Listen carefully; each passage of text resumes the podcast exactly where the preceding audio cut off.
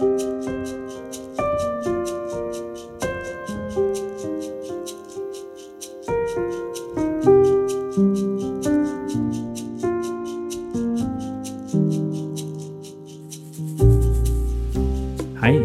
du lytter til Spires pod, og navnet mitt er Vidar Mæland Bakke.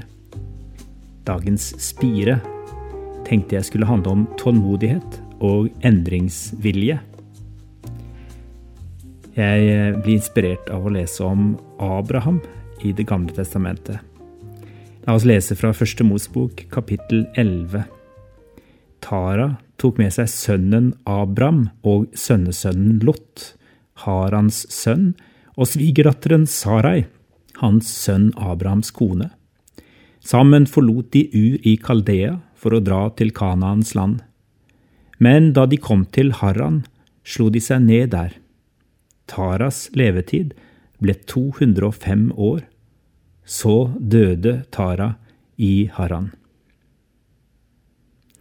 Hvis vi går litt på oppdagelsesferd i historien om Abrahams familie, så lærer vi at de altså opprinnelig kom fra Ur i Kaldea.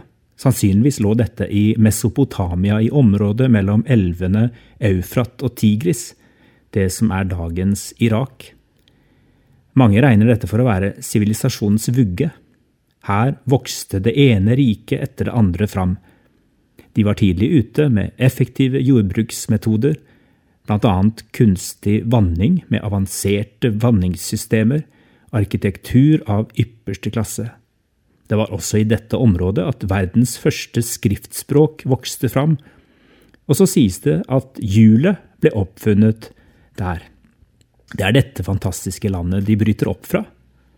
Noe får dem til å begynne en nomadevandring, der det egentlige målet er Kanan allerede for Abrahams far, Tara tenke seg til for en nedtur å forlate det stolte Mesopotamia og begi seg mot Kanan, som bare var en ødemark i forhold. Ble dette også en altfor drastisk endringsprosess når alt kom til alt? Hva var det som gjorde at Tara stanset opp i Harran med hele familien bare litt lenger nede langs elva? Vi vet ikke om det var Gud som stanset Tara fra å fortsette mot Kanaan, eller om det var ytre omstendigheter. Det står ikke noe om det. Men jeg er veldig fascinert av at den første planen ikke ble fulgt. Kjenner vi oss igjen? Først i en alder av 75 år, da faren var død, fortsatte Abraham der faren slapp. Etter Guds befaling og løfte begynte han nomadetilværelsen.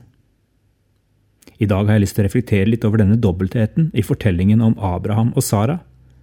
Deres tålmodighet til å vente i Haran, selv om de visste at det ikke var deres endelige sted.